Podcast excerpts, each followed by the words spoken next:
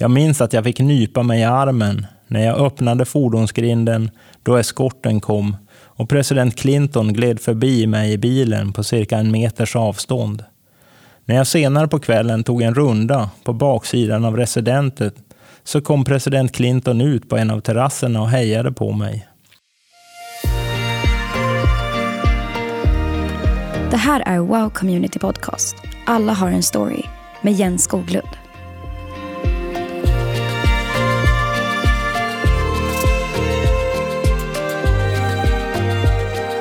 Jag stod vid produktionslinjen på den fönsterfabrik jag hade fått jobb på. Mitt första heltidsjobb i tvåskift. Att montera fönster. Och vi hade lagackord.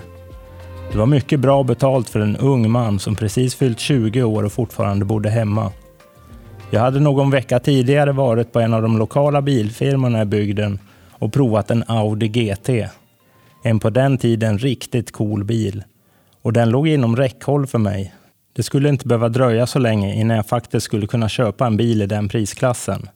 Men nu skulle det inte bli så. Jag kommer aldrig att glömma när jag stod där vid min arbetsstation och jag sjöng inom mig. Nu jag lämnar allt, allt för dig min dyre Jesus. Nu jag lämnar allt. Man kan tycka att jag kanske borde vara glad för att få lämna ett sådant jobb. Men för mig var det inte så. Jag trivdes i den by jag bodde i. Jag trivdes med det liv jag hade och jag hade utan problem kunnat bo där hela livet och bygga mitt liv där som generationer innan mig hade gjort. Så vad var det då som hade hänt?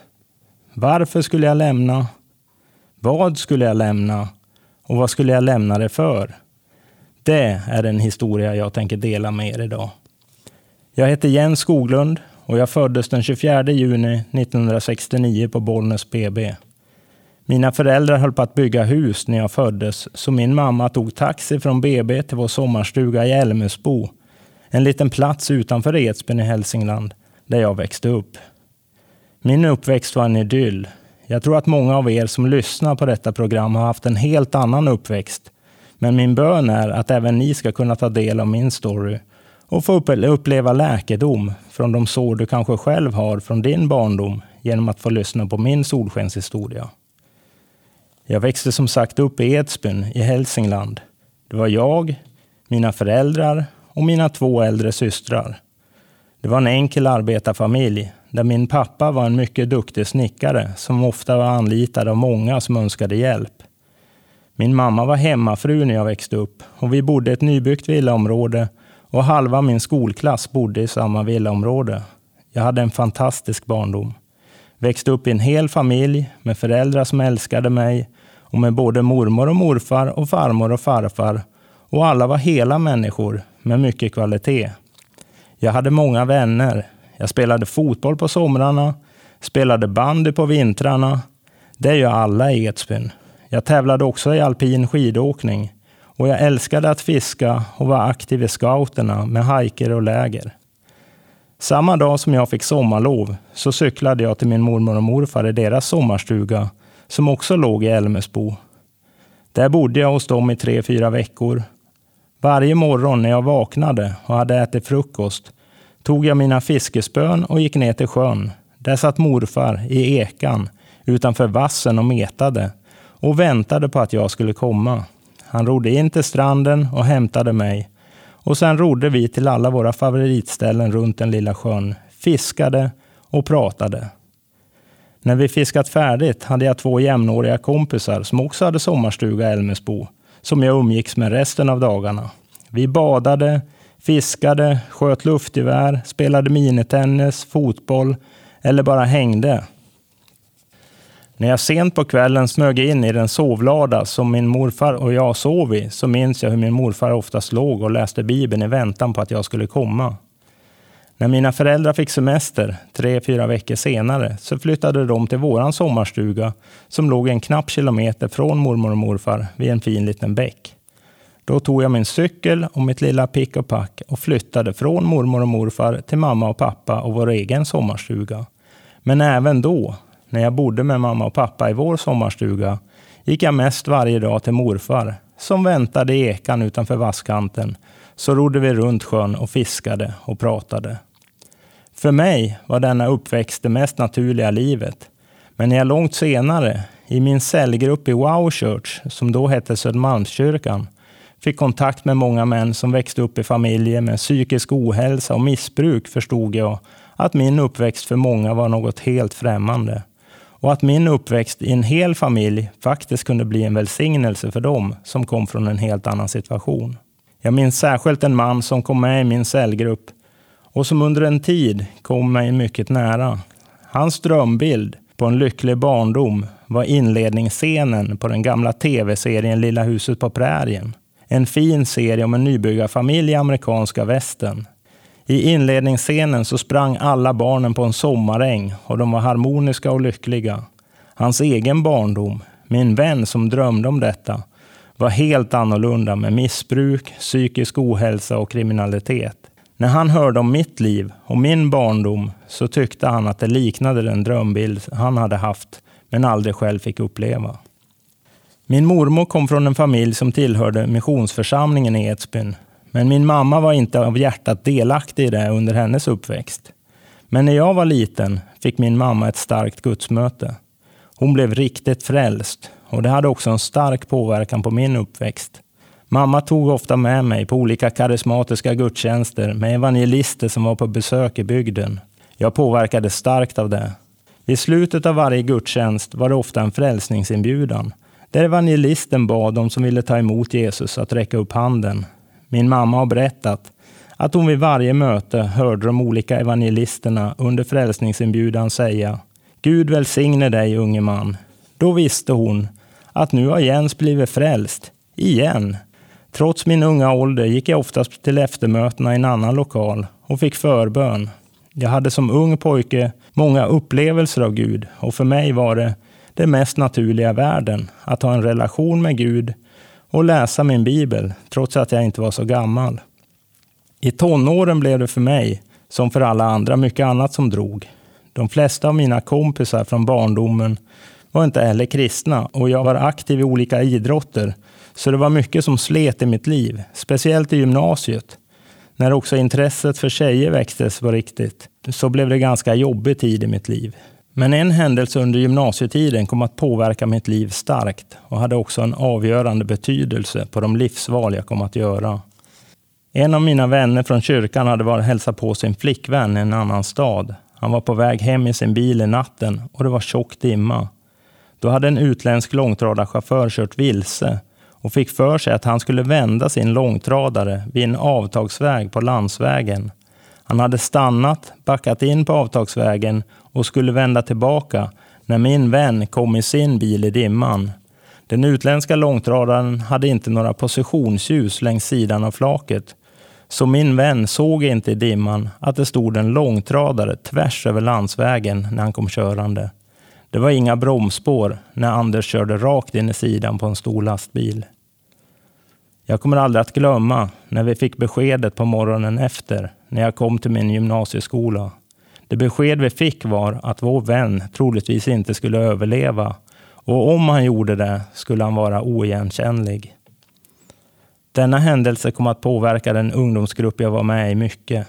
Varje kväll samlades vi hemma hos en ungdomsledare till spontan förbön för Anders. Det var det enda vi kände att vi kunde göra. Vi bad och bad.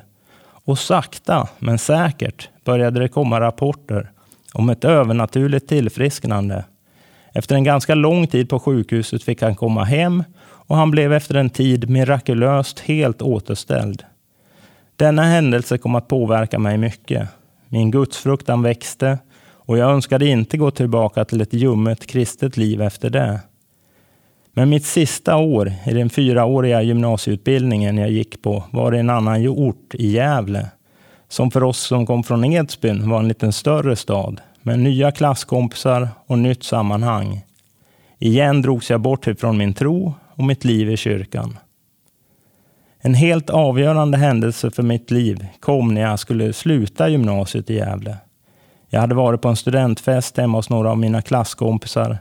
Jag hade druckit en del alkohol, tillräckligt för att vara påverkad och vi hade haft jätteroligt den kvällen. På natten gick jag ensam hem till min studentlägenhet och jag kände att jag stod inför ett val. Jag gick och samtalade med Gud och sa, jag vet att du finns, men om jag ska leva mitt liv för dig så måste livet med dig vara bättre än livet som drar utanför kyrkan. Om jag ska leva för dig så vill jag att du ger mig ett spännande liv. Det är en farlig bön att be. Att be Gud om ett spännande liv. Händelser skulle komma som fick mig att inse att de trygga och lugna dagar jag haft under min uppväxt nu skulle komma att ändras. De lata dagarna skulle avslutas och andra dagar skulle komma. Här kommer låten Lazy Days med Stockholmsbaserade artisten Green Suburban som av en ren tillfällighet också råkar vara min son Isak Skoglund. Lazy days are here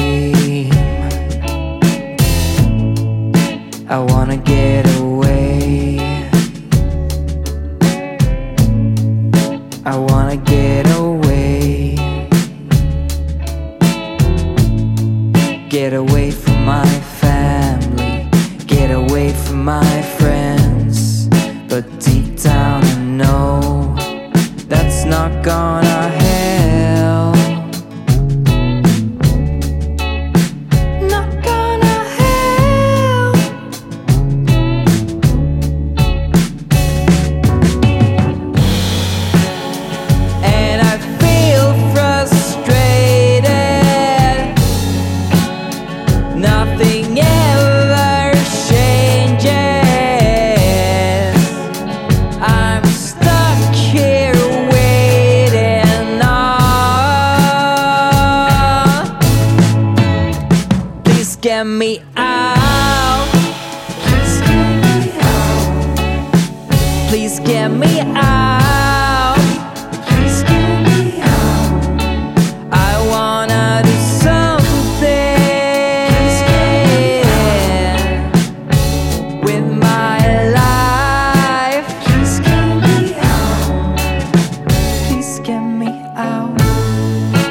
Suburban sjöng Lazy Days, Please Go Away då han ville göra något speciellt med sitt liv.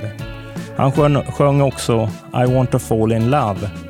Om dessa två ämnen tänker jag nu fortsätta mitt sommarprat. Jag önskade på ett sätt inte att mina Lazy Days skulle ta slut, men jag bad samtidigt att Gud skulle ge mig ett spännande liv. Och jag förstod att det inte riktigt är detsamma som att ha Lazy Days.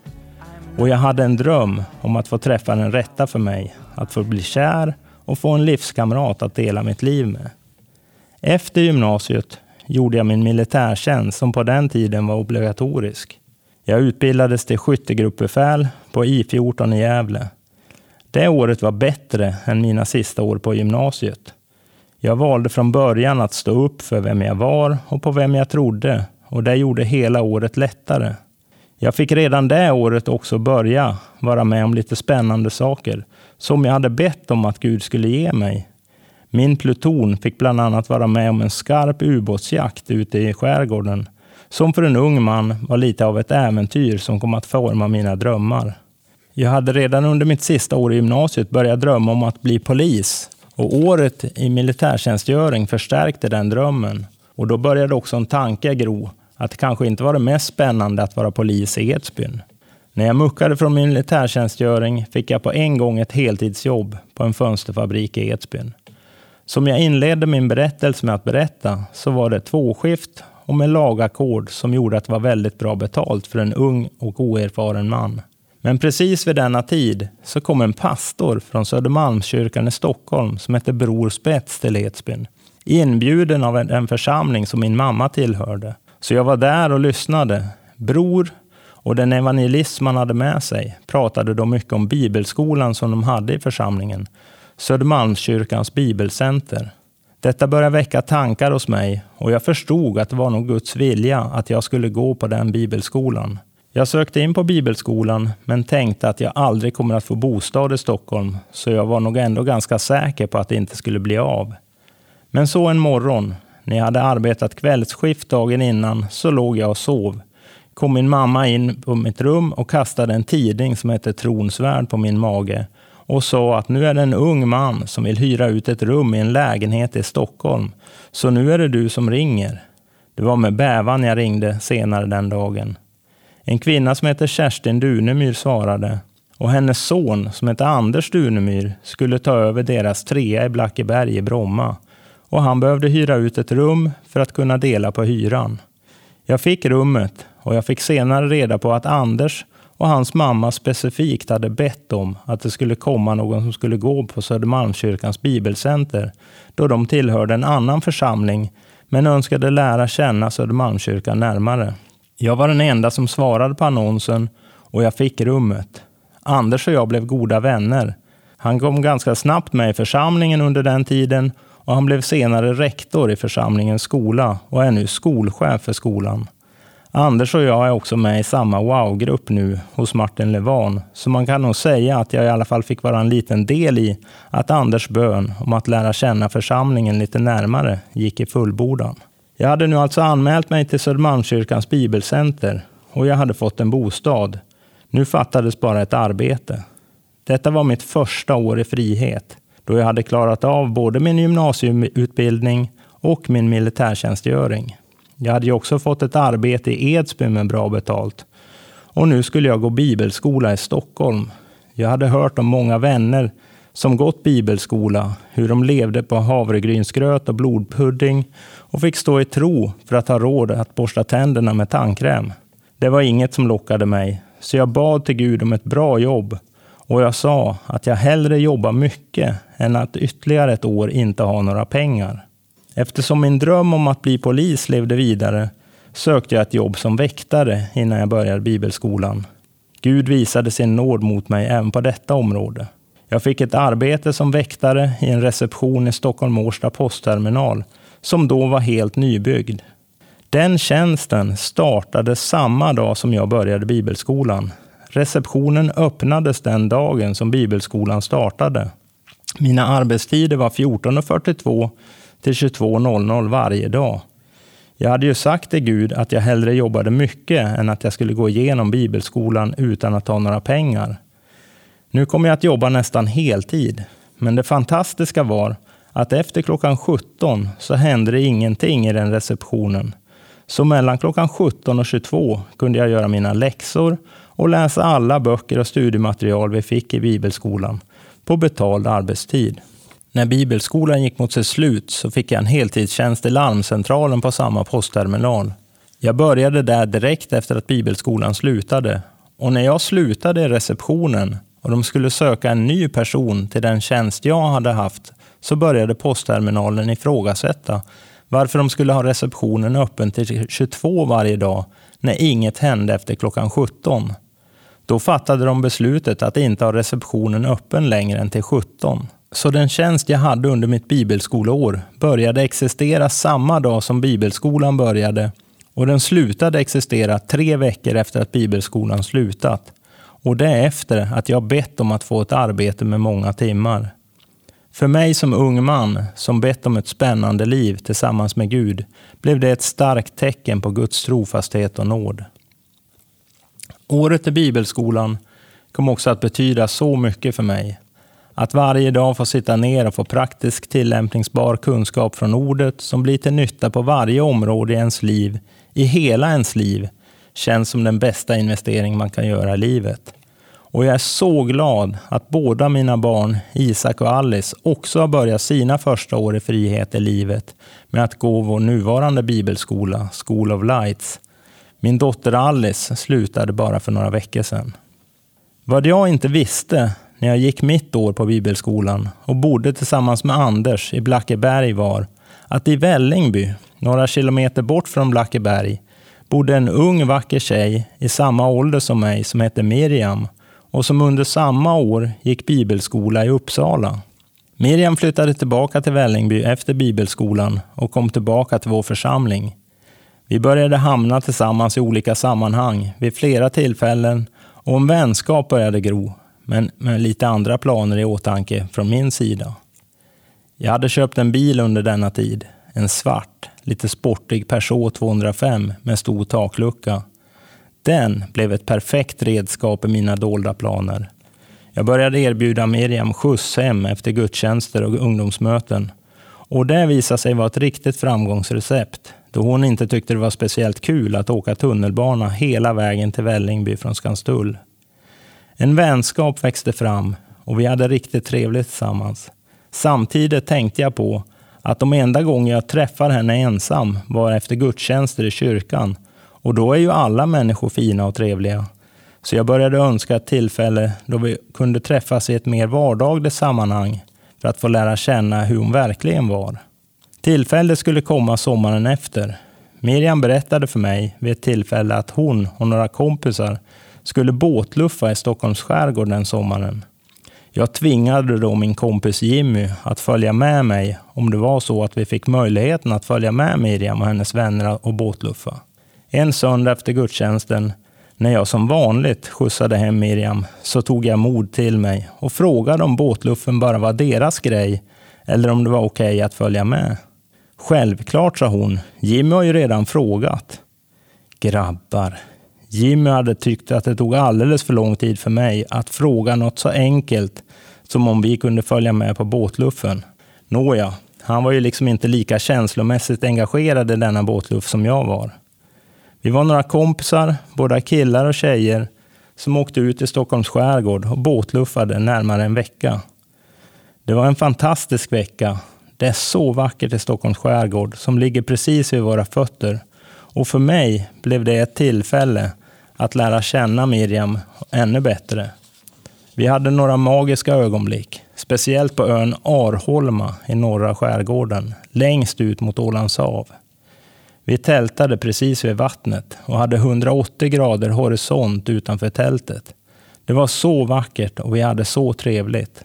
Efter den veckan var det kört. Miriams smittande skratt och bländande skönhet hade fångat mig. Jag var kär. När vi kom hem bjöd jag ut henne på en dejt på Vattenfestivalen som ägde rum varje sommar vid denna tid. Vi kom iväg för sent, så vi satt i min Peugeot fast i trafiken vid Slussen och tittade på fyrverkeriet. Men sen gick vi tillsammans i Stockholmskvällen och pratade och hade väldigt trevligt.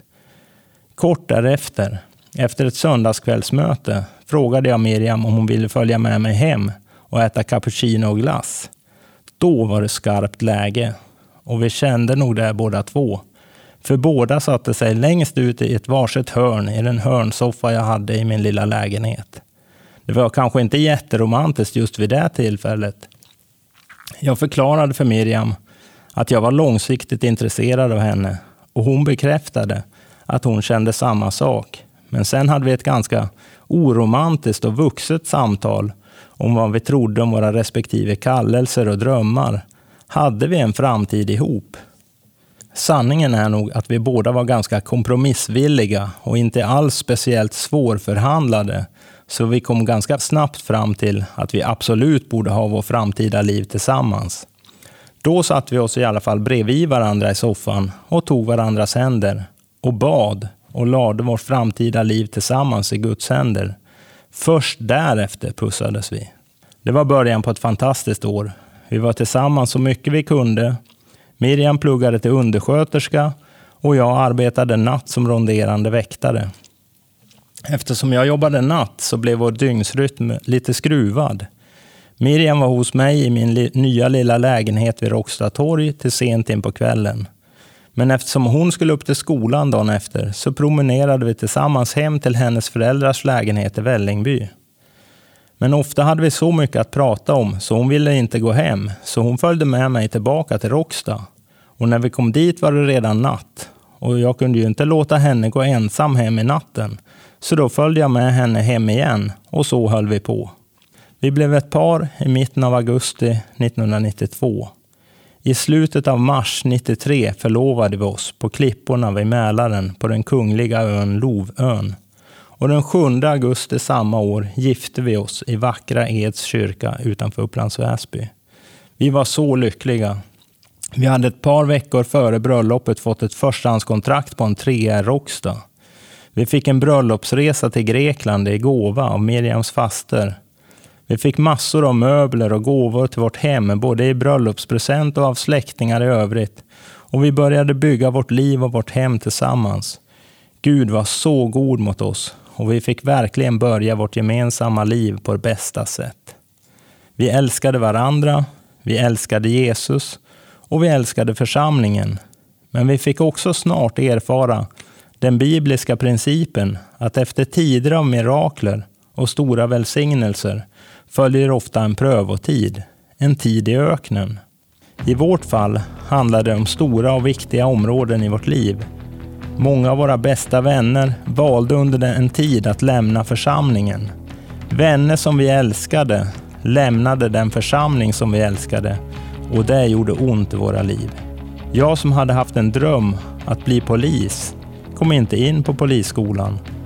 Trots att jag klarade proven med mycket goda resultat så gjorde konkurrensen att jag inte blev antagen, vilket gjorde mig vilse. Det var ju verkligen en dröm jag hade, att få bli polis. Och vi drömde om att verkligen få bilda familj genom att också få barn tillsammans, men vi lyckades inte bli gravida. Tre och viktiga stora områden i våra liv skakade samtidigt. Församlingslivet, kallelsen med arbetslivet och drömmen om att få barn tillsammans. Det kändes som vi var i en öken, på en ökenvandring. Här kommer Desert Song med Green Suburban. 45 days in the desert sun. Have I lost my ways, my purpose gone. Every breath comes with pain. Feels like the devil's in my lungs. My feet are tired and my throat is sore. After weeks and months can't take it anymore. I don't wanna be here. Feeling all alone Please say something I'm getting tired of waiting. Give me a sign.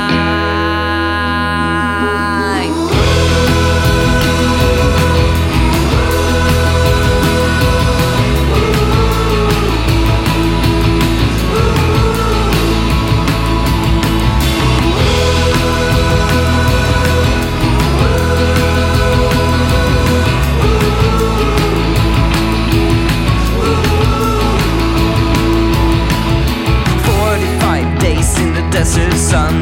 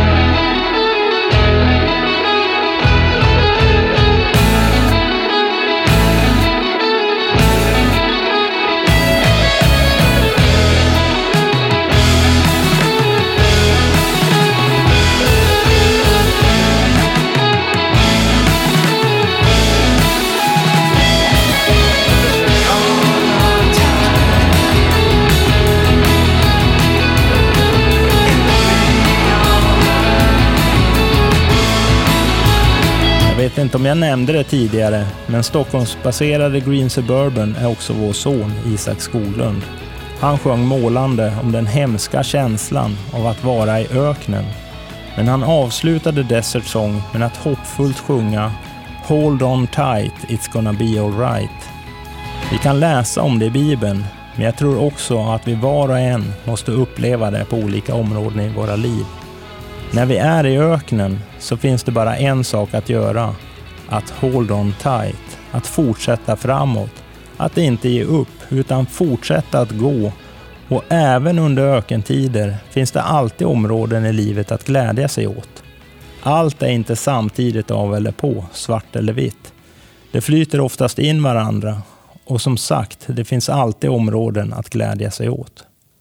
Miriam och jag växte tillsammans under dessa år och vi fick också vara med om övernaturliga mirakler i våra liv trots att vi som sagt på viktiga områden var i något av en ökenvandring.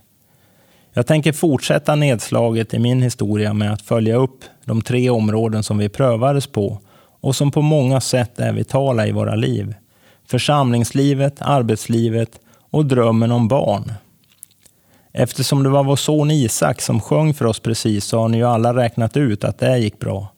Miriam och jag gifte oss den 7 augusti 1993 och den 4 januari 2000, fyra dagar in på det nya millenniet, föddes vår efterlängtade son Isak. Känslan att efter cirka fem års tid längtat efter och bett om att få ett barn och att varje månad bli nedslagen för att sen få reda på att vi skulle bli föräldrar. Den känslan var helt obeskrivlig. Och att vi ganska precis två år efter att Isak föddes också fick vår dotter Alice, det var en sån välsignelse. Min lilla familj har inte på något sätt varit perfekt och vi har, har inte haft ett problemfritt. Men Gud välsignade oss så vi kunde köpa ett litet hus i ett fritidsområde i Huddinge där våra barn fick växa upp. På många sätt känns det ändå som vi kunde ge våra barn lite av det som jag fick uppleva när jag var barn. De hade fått växa upp med föräldrar som älskar varandra och älskar dem. De hade både mormor och morfar och farmor och farfar. Vi hade också mirakulöst blivit välsignade med ett eget litet fritidshus vid en sjö i Jämtland som bara var vårt, dit vi ofta åkte på skolloven. Och vi hälsade också ofta på mina föräldrar i fritidshuset i Älmesbo utanför Edsbyn. Nu är våra barn i början av sitt vuxenliv och det är med en sån ödmjuk tacksamhet och glädje som vi får tjäna Gud tillsammans i församlingen och i visionen. När det gäller församlingslivet så gick den ökenvandringen för oss ganska parallellt med ökenvandringen med barnlöshet. Det var några speciella år i församlingen där vi prövades och slutligen tog vi ett kvalitetsbeslut att stå fasta och trofasta i vår församling. Det var år av mycket bön i församlingen och vi passerade en smal passage för att komma in i det som Gud hade förberett. Sakta men säkert började något nytt gro i församlingen och pastor Bror började på ett särskilt sätt lyfta fram Lennart och Carolina Torebring som ledare i församlingen. Det kom ett nytt hopp och ljus in i församlingen och vi hade några sommarläger där vi i församlingen också började knyta samman igen. En ny enhet började gro. Därför var det inte med någon större glädje och entusiasm som jag själv tog emot nyheten om att familjen Torbring skulle flytta till Indien som missionärer. Detta sammanföll med tiden att vi äntligen blev gravida och att vår son Isak skulle födas. Vi började då på allvar fundera på om vi skulle flytta upp till Edsbyn och ge vår äntligen växande familj ett enklare liv där uppe. Men vi märkte att de vägarna var stängda och förstod att Gud ville något annat med vårt liv. Så vi förblev trofasta i församlingen och bidade vad Gud hade för planer för församlingen och våra liv i församlingen. Det var med mycket stor glädje och hopp om framtiden som vi sen mottog beskedet att pastor Bror hade kallat hem familjen Torebring från Indien och att han ville att pastor Lennart skulle vara hans närmaste man. För oss blev detta början på en ny spännande tid i församlingen med nytt hopp. När sen den nu historiska resan till Bogotá skulle ske med pastor Bror och Ingalill och pastor Lennart och Carolina då bara visste vi att inget skulle bli sig likt efter det. Trots att vi inte hade någon aning om vad som skulle ske. Jag minns den första G12-konferensen, hösten 2003, då Cesar och Claudia Castellanos kom till församlingen. Jag ska ärligt säga att jag inte fattade speciellt mycket av visionen. Vi hörde om personer som hade typ tusen cellgrupper och jag tänkte i mitt stilla sinne, hur går det till? Om man träffar en cellgrupp varje dag kommer man ju bara träffa varje cellgrupp en gång var tredje år, om man aldrig är ledig. Men trots dessa logiska vurpor så valde vi att bara gå på. Detta är vad Gud har för oss och han kommer att visa hur det går till. Åren i öknen hade gjort resultat. Jag var trött på att spotta sand. Det spelade ingen roll vilka jättar som stod i vägen. Jag skulle in i det nya landet. Strukturerna i visionen klarnade snabbt och jag frågade pastor Daniel Svärd om inte han skulle starta en cellgrupp snart, för jag ville vara med i hans cellgrupp. Vi hade haft nära kontakt under många år då han var mötesvärdsledare och jag var ledare för en mötesvärdsgrupp. Danne hade under denna tid själv startat en bönegrupp för mötesvärdsledarna och vi var några män som samlades regelbundet och bad för pastor Bror, bad för församlingen och bad för våra egna liv. Det var verkligen ett embryo till en cellgrupp och vi hade sett sådana mirakler. Det var bland annat där som jag själv fick tro för att vi skulle få barn. Därför kändes det helt naturligt att få vara med i pastor Daniels cellgrupp. Vi tog hela visionen direkt. Jag och Miriam fick vara med på församlingens andra encounter genom tiderna och det förvandlade mitt liv. Trots att jag gått bibelskola och var verksam som hjälptjänstledare i församlingen. Detta var något nytt. Jag minns sen att vi gick alla tre terminerna i DT, som då hette Ledarskolan. Det var blandad kvalitet på de lektionerna. Många av lärarna hade själv ingen aning om vad passen de höll skulle generera, men Gud gjorde sitt verk ändå. Jag kan ärligt säga att den första ledarskolan, med alla sina fel och brister, förvandlade mitt liv, både i tjänsten i församlingen och i mitt yrkesliv. För Gud talade. Jag startade själv min cellgrupp 2005 och har haft cellgrupp sedan dess. Miriam och jag blev utmanade att vara lärare i ledarskolan och vi hade själva alla lektioner i alla tre nivåer i ett streck. 30 olika pass i 30 veckor med en liten terminspaus efter tio pass.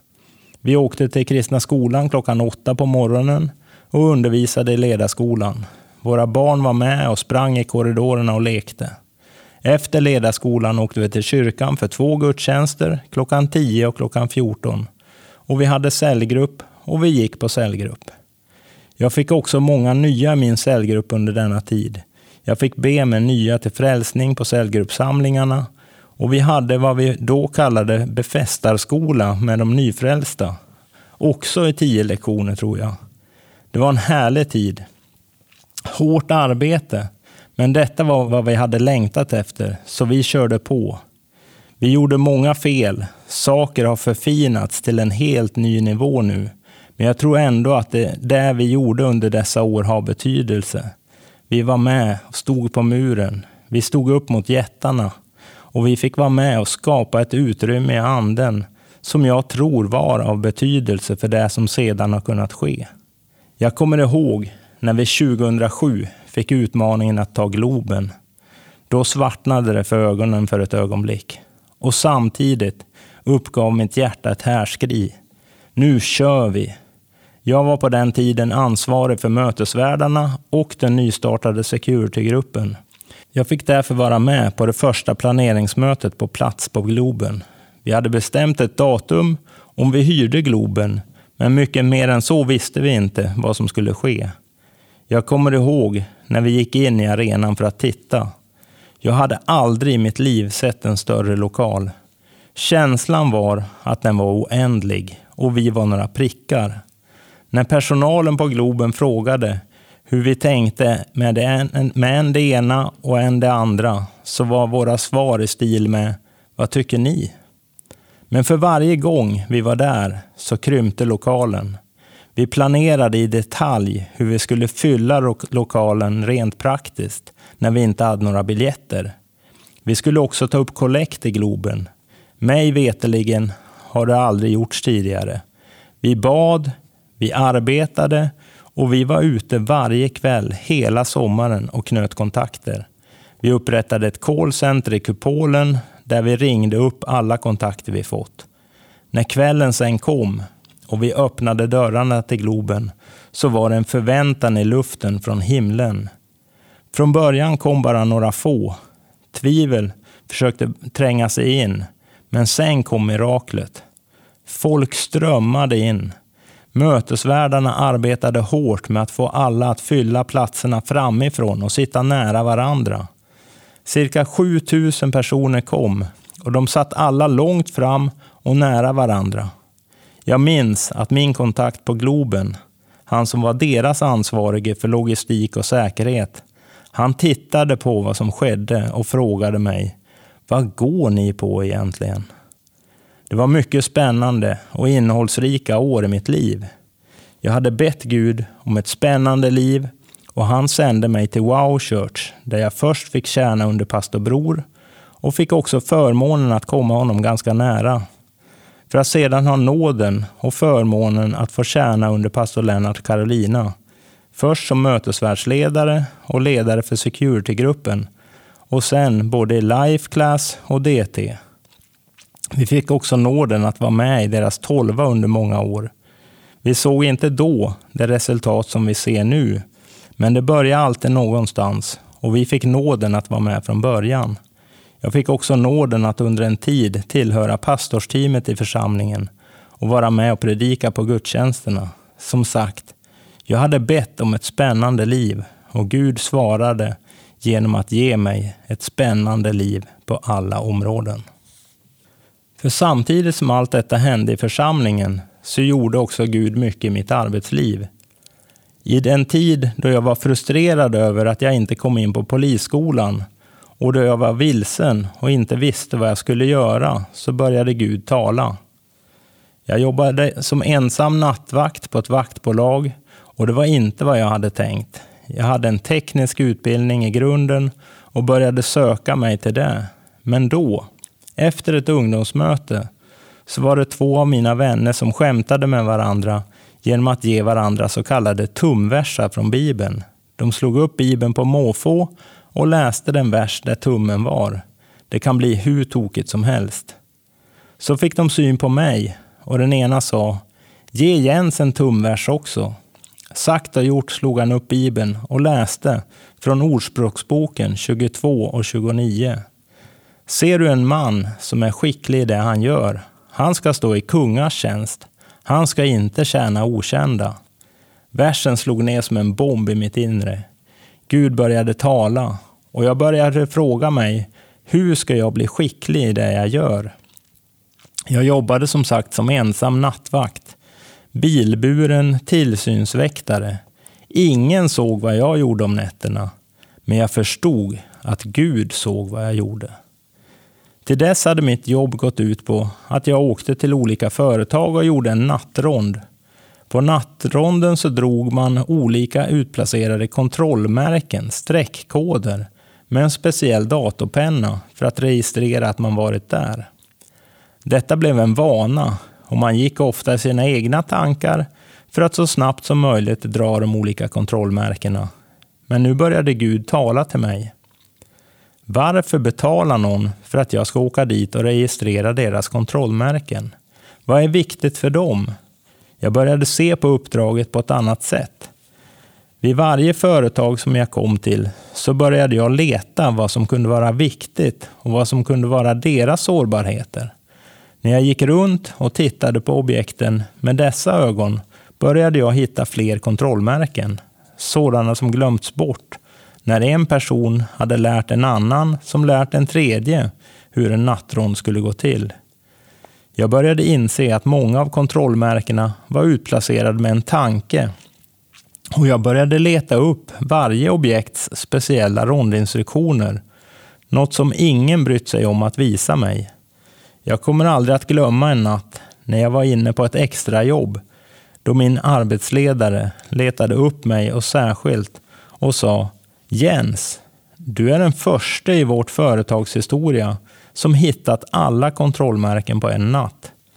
Gud började lyfta fram mig och när jag sen ville börja jobba dagtid så fick jag ett mycket bra jobb som skyddsvakt på Sveriges Radio och Sveriges Television. Jag fick höra att platschefen där hade slagits mot facket för att jag skulle få den tjänsten, trots att jag inte var med i facket och trots att platschefen aldrig hade träffat mig innan.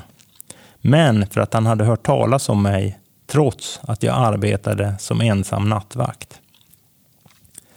Att arbeta på Sveriges Radio och Sveriges Television var mycket intressant och lärorikt.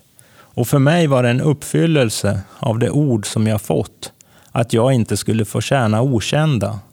På Sveriges Radio och Sveriges Television träffar man ju många av den tidens kändisar. Och många av de ledande politikerna kom ju också ofta dit. Jag arbetade där i fyra år och det var ändå bra år då jag och Miriam var nygifta och jag fick både ett intressant arbete och bra arbetstider. Men jag kunde ändå inte riktigt komma till freds med tanken att sälja lagstiftade skyddsvaktstjänster på ett skyddsobjekt, ett samhällsviktigt objekt, men att göra det för ett privat företag som hade som syfte att generera vinst till sina ägare. Det kändes konstigt och jag hade inte någon längtan att gå vidare i en sån tjänst så jag började på nytt att söka nya tjänster. De flesta utanför säkerhetsbranschen. Men då kom en platsannons i Dagens Nyheter som var för spännande för att inte nappa på. Amerikanska ambassaden i Stockholm sökte egen säkerhetspersonal som skulle bli anställda av amerikanska staten. Jag chansade och skickade in en ansökan och fick en mörk kväll komma på intervju. Jag fick passera deras säkerhetskontroll där en brittisk före detta Bobby arbetade. Jag fick sen komma upp till själva ambassadbyggnaden där jag möttes av en beväpnad amerikansk marinkårssoldat bakom skottsäkert glas innan jag fick komma upp på intervjun hos vaktchefen på ambassaden som var en nyzeeländsk före detta yrkesmilitär. Jag minns hur det på hans kontor var en stapel med tunga skyddsvästar och kravallhjälmar och jag tänkte att är det någonstans i Sverige som är en spännande arbetsplats så är det här. Jag fick jobbet och jag började arbeta där i maj 1998. Sommaren 98 så sprängde al-Qaida två amerikanska ambassader i Kenya och Tanzania, vilket gjorde att amerikanska State Department fick i uppgift att höja säkerheten på alla amerikanska ambassader runt om i världen. Så också i Stockholm. Jag trivdes mycket bra på ambassaden och Gud fortsatte att vara mig nådig, så jag fick favör och fick ganska snart en arbetsledande position bland den lokalanställda vaktstyrkan på ambassaden. Under de år som följde så kom också terrorattacken den 11 september 2001 mjältbrandsbreven i USA och kriget mot terror. Säkerheten höjdes därför hela tiden på ambassaden och det var mycket lärorika år. Några situationer som särskilt sticker ut från mina tio år på ambassaden var dels när president Clinton kom på besök. Han hade då avslutat sitt presidentskap och var på besök i Sverige, inbjuden som talare på Grand Hotel av familjen Wallenberg men han bodde hos ambassadören som var en personlig vän. Jag fick hedersuppdraget att ansvara för bevakningen från vår sida under president Clintons besök. Givetvis var både svensk polis och amerikanska Secret Service på plats, men ändå. Jag minns att jag fick nypa mig i armen när jag öppnade fordonsgrinden då eskorten kom och president Clinton gled förbi mig i bilen på cirka en meters avstånd. När jag senare på kvällen tog en runda på baksidan av residentet så kom president Clinton ut på en av terrasserna och hejade på mig. Och morgonen efter, när jag vaktat hela natten, kom min högsta chef på ambassaden, en före detta special agent på Diplomatic Security. Han ropade upp mig till huvudentrén på residenset för att jag och en kollega skulle få hälsa på president Clinton och på amerikanskt vis få bli fotograferade med honom. Det är ett minne att bära med sig Och det var också en uppfyllelse av det ord jag fått, att jag skulle få tjäna konungar och inte okända män. På samma tema fick jag också något år senare träffa Colin Powell, som då var USAs sittande utrikesminister på besök i Stockholm. Han kom till ambassaden för att träffa personalen och vi fick hälsa på honom och på amerikanskt vis få bli fotograferad med honom. Jag hade inte alls samma roll under det besöket, men det är ändå ett mycket speciellt minne. Ett annat speciellt minne från ambassaden var när jag arbetade helg en gång. Jag var vid ambassadörens residens när jag hörde ambassadörens fru ropa till mig från köksfönstret. Hon vinkade till mig att komma upp till köket och när jag kom dit höll hon på att brygga kaffe iklädd sin morgonrock. Hon sa till mig att den ryska ambassadören skulle komma på besök och eftersom hon inte var klädd så skulle jag ta emot honom och eskortera honom till representationsytorna där den amerikanska ambassadören skulle möta honom. Sagt och gjort. Jag ställde mig och väntade vid bilgrinden och när den ryska ambassadörens bil gled upp öppnade jag grinden och tog emot ambassadören. Jag eskorterade honom upp till överenskommen plats och lämnade över den ryska ambassadören till den amerikanska ambassadören.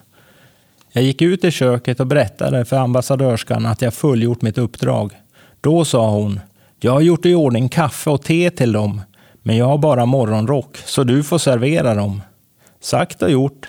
I min vaktuniform tog jag en silverbricka med kaffekanna och teservis och gick in till de båda ambassadörerna och med bästa flygsteward-stilen frågade jag Coffee or tea? Den amerikanska ambassadören började skratta och sa Jens, they have you do everything here. Varpå jag svarade I'm here to serve, sir. Jag är här för att tjäna. Det var ett mycket speciellt minne från ambassaden och jag har aldrig slutat fundera på vad den ryske och amerikanska ambassadören pratade om vid ett privat möte en helg, när jag fick servera kaffe och te. Kanske planerade de bara en gemensam jaktresa till fjällen, men lite spännande var allt. Jag arbetade i tio år på den amerikanska ambassaden när plötsligt en kollega, en man som jag själv anställt, kom till mig med en ny platsannons från Dagens Nyheter och sa Jag tror du ska söka det här arbetet. Annonsen visade att riksdagsförvaltningen sökte en sektionschef till sin bevakningssektion och annonsen kändes som den var skriven till mig. Jag sökte tjänsten och trots att det var över 80 sökanden fick jag jobbet. Jag började på Sveriges riksdag i januari 2009 och jag arbetar fortfarande kvar där. Även åren på riksdagen har varit oerhört spännande. I min roll som bevakningschef har jag varit ansvarig för säkerheten från riksdagens sida vid flera stora evenemang. Det årligt återkommande riksmötets öppnande är nog det evenemang i Sverige som har högst skyddsvärde. Då är hela kungafamiljen, hela regeringen och hela riksdagen plus landshövdingar, ambassadörer, generaldirektörer med flera samlade flera gånger på samma dag. Där har jag arbetat tätt med både Säkerhetspolisen och Polismyndigheten. Inget får gå fel en sån dag. Jag fick också vara med och planera säkerheten då riksdagen stod som värd för en festkonsert till kronprinsessparets ära vid deras bröllop. Då var de flesta av Europas kungligheter på plats. Så det bibelord som jag fick, att jag skulle få tjäna konungar och inte okända, har gång på gång blivit verklighet. I december 2010, mitt i julhandeln, hade Sverige sin första självmordsbombare. Tre månader tidigare hade terrorhotnivån i Sverige höjts från lågt till förhöjt. Hösten 2015 så kom det ett riktat hot mot riksdagen som inte kunde avfärdas. Och några dagar senare höjdes terrorhotnivån i Sverige till högt. Den hösten kändes det som Sverige vaknade. Och på riksdagen fick vi igenom flera genomgripande förändringar för att höja skyddet mot terror.